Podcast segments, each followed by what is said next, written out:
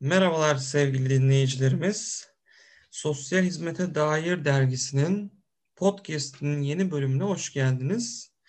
Bu bölümde bizlerle beraber Buse Çelik ve Cansu Demircioğlu e, bizlerle beraber onların yazısıyla alakalı fikirlerini alacağız ve dergiyle alakalı fikirlerini alacağız. Böyle güzel bir sohbet etmeyi düşünüyoruz. Ee, özür diliyorum biraz dinleyicilerimizden biraz düşük bir giriş oldu sanki ama yorgunluk var biraz. Ee, kusura bakmayın dinleyicilerimiz. Yine e, ben ciddi bir giriş yapmaya çalışırken yine olmayan bir giriş. Buse bunu biliyor. Evet ben çok iyi bilirim. ne kadar denesek de olmuyor. evet. Olsun dinleyicilerimiz bizim şeyimizden, e, samimiyetimizden ne bileyim emindirler. Artık kelimeleri falan bir araya getiremiyorum yani zor durumdayım. hoş, hoş geldiniz tekrar. Hoş bulduk. Evet, e, Buse'yi tanıyorsunuz önceki bölümlerden. Zaten kendisi editör yardımcımız. Onunla bir sohbetimiz olmuştu. E, fakat Cansu'yu ilk defa dinliyor olabilirsiniz. Cansu'na ilk defa tanışıyor olabilirsiniz. E, o yüzden Cansu'ya sormak istiyorum. Cansu, e, seni ilk defa tanıyacak kişiler için kendini bize tanıtabilir misin? Merhaba Kemal. Öncelikle davetin için teşekkür ederim. Rica ederim. Ee, söylediğim gibi ismim Cansu. İstanbul Üniversitesi Sosyal Hizmet Bölümü 4. sınıf öğrencisiyim. Ee, toplumla sosyal hizmet dersi kapsamında arkadaşlarımızla dergi çıkarmayı hedefledik. Bu dergi grubu içerisinde ben de varım. Teşekkür ederiz Cansu. Ee, yine e, Buse izninle Cansu'ya bir soru yönetmem lazım. Çünkü bu soruyu da sana daha evvel sordum ve cevabını almıştım. Herkese sorduğumuz klasik soru zaten. Dinleyicilerimiz de bir iki bölüm dinlediyse eğer farkına varmışlar bunun. ilk olarak kendilerini tanıtmalarını istiyoruz. Sonrasında da dergiyle alakalı düşünceleri merak ediyoruz ve işte süreci nasıl bulduklarını soruyoruz. Cansu sana da sorum bu. Ee, dergiyle alakalı genel olarak düşüncelerin ne? Süreci nasıl buluyorsun? Bu dergi sence nereye gidiyor? Nasıl bir amacı var? Gibi. Bu böyle sorularım var sana. Buyur. Derginin ilerleyiş sürecinin iyi gittiğini düşünüyorum öncelikle. Ee, planlı bir şekilde her bütün yapacaklarımızı planladık ve Buna göre hareket ediyoruz. Her arkadaşımız gereken görevlerini yerine sırasıyla getiriyor. Güzel ilerlediğimizi düşünüyorum. Dergi hakkında e, dergimiz ders kapsamında çıktı ve güzel ilerlediğini düşünüyorum tekrardan. Dergimizin amacı sosyal hizmet öğrencilerine, akademisyenlerine, tüm camiaya hitap ediyor. Bu kapsamda devam ediyoruz. Peki sen şey ilerleyen süreçte bu dergi devam ederse eğer e, sen bu dergiyle çalışmaya devam etmek ister misin? E, şu an net bir kararım yok. İlerleyen süreçlerde kararım daha da netleşecektir. Gönlüm devam etmekten yana olabilir diyorum. Anladım. Çok teşekkür ederiz Cansu. Evet bu formalite soruları geçtikten sonra bence sormam gereken o zaman direkt yazınıza geçmek istiyorum ben. Sosyal hizmetin gözünden, bakış açısından açık öğretim. Yani başlık evet. böyle. Tam tutturamamış olabilirim başlığı bu arada. Aşağı yukarı böyle evet. Aşağı yukarı böyle. Bu yazıyı yazarken ne düşündünüz yani? Nasıl bir amaçla yola çıktınız? Neden böyle bir yazının dergide olmasını uygun gördünüz? Yani şöyle sosyal hizmet için de bu böyle, diğer bölümler için de böyle. Hani açık öğretime karşı ülkemizde bir ön yargı var. Hani gerek iki yıllık olmasından, gerek dört yıllık olan hani bu bölümlerin e, uygulama eksikliğinden kaynaklı ve hani açık öğretim hakkında daha bilinmeyen veya bilinen ama yanlış olan bilgilerden dolayı biz aslında farkındalık oluşturmak istedik. Yani o nedenle aslında bu yazıyı yazdık. Yani amacımız buydu. Hani biraz açık öğretim hakkında farkındalık yaratmak, hani biraz bilinmeyen kısımlarına değinmek ve hani sosyal hizmetin gözünden bu açık öğretimi değerlendirmekti. Cansu senin eklemek istediğin bir şey var mı bunlara? Buse'ye katılıyorum. E, açık öğretim farklı bir eğitim modeli. Ee, örgün eğitim modeline katılamayacak, dezavantajlı sahip olan bireyler için avantajlı durumda olduğunu düşünüyorum.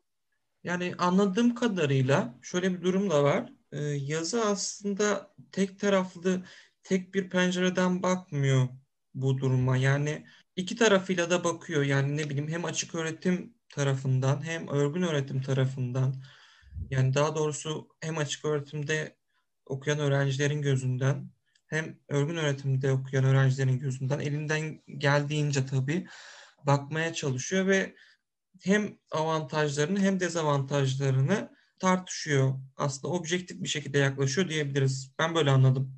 Doğru mu? Yani evet tabii ki hani amacımız açık öğretimi yermek değildi bu yazıda. Hani açık öğretimin avantajlarından da bahsettik mesela hani avantajlarından, dezavantajlarından vesaire kapsamlı olarak ele aldık. Ya tabii ki hani yazımızın sınırlılıkları var yani daha yazılacak birçok şey var. Birçok birçok değinilecek noktası var ama biz yüzeysel olarak geçtik. Yani elimizden geldiği kadarıyla. Ama hani dediğim gibi açık öğretimi yermek değil burada amacımız. Zaten öyle bir şey de yapmadık.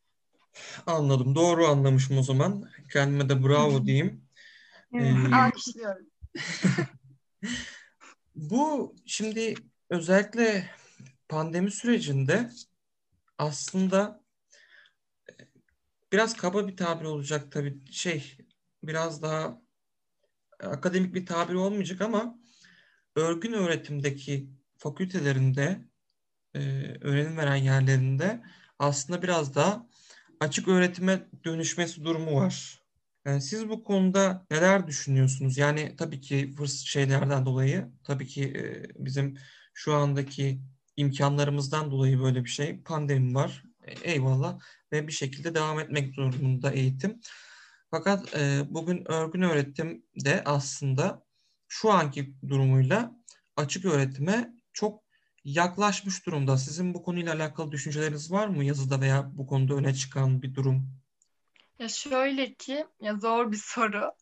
Ben hani bu yazı için araştırma yaparken bu benim aklıma gelmişti. Hani uygulamadan vesaire bahsederken o an bir farkındalık oluşmuştu. Hani evet yani aslında şu an hani şu anki eğitim sistemi açık öğretime yaklaştı.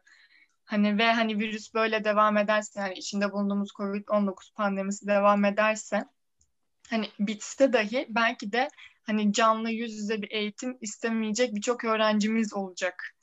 Belki de hani neler yapılabilir ya da bu süreç en iyi şekilde nasıl ilerleyebilir diye bir soru bende de oluştu. Yani bunu ya tam net cevabını veremem ama şöyle ki staj ve hani da, daha doğrusu geneliyle hani uygulama eksikliği çok e, sorun oluşturacaktır diye düşünüyorum ben. Yani çünkü ister sosyal hizmet bölümü olsun, ister diğer bölümler olsun her bölüm için uygulama önemlidir. Yani bilgi hani bilgiyi tamam teori olarak okullarda öğreniriz evet ama uygulamayı da alanda görmemiz gerekiyor. Ve şu an içinde olduğumuz durum buna elverişli değil. Ama hani dediğim gibi uygulama eksikliği çok büyük bir sorun yaratır bence ve buna bir şekilde bir çözüm bulunmalı diye düşünüyorum ben. Eğer öyle ilerlerse süreç. Yani açık öğretimde zaten en büyük dezavantajı uygulama eksikliğinin olmasıydı. Biz buna yazımızda da değinmiştik. O yüzden şu an içinde bulunduğumuz durum da ona doğru evrilirse bu uygulama eksikliği nasıl kapatılabilir? Bunu bilmiyorum açıkçası.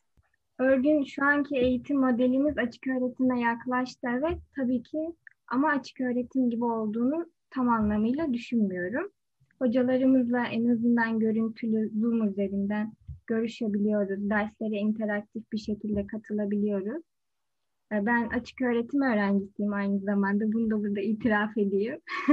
ben de. ben de. yani sürecin açık öğretimle aynı gittiğini düşünmüyorum. Bir şey soracağım. Açık öğretimde hangi bölümleri okuyorsunuz? Eğer söylemek isterseniz. Tabii ki. Ben çocuk gelişimi okuyorum lisans. Ben adalet okuyorum. Ön lisans benim. Ben de sosyoloji okuyorum. Vay. Hepimiz Ama... açık öğretim öğrencisiyiz aynı zamanda. Aynen öyle. Aynen öyle. aslında biraz da şuraya gelmek istiyorum. Biraz yorum yapmam gerekirse. Yani bu dönemde şeyi görmüş olduk bence biraz da.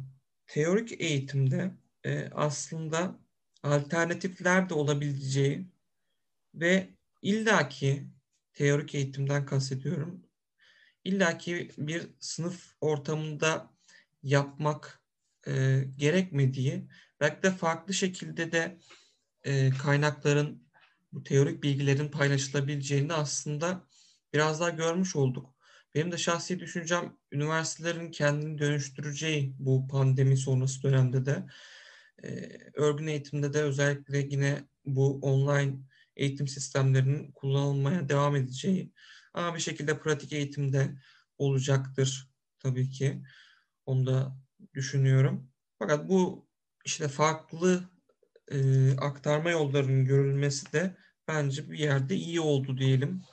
Yani bu şer durumu hayra yola, yoralım biraz diyorum. E, yine yazınıza dönmek istiyorum burada.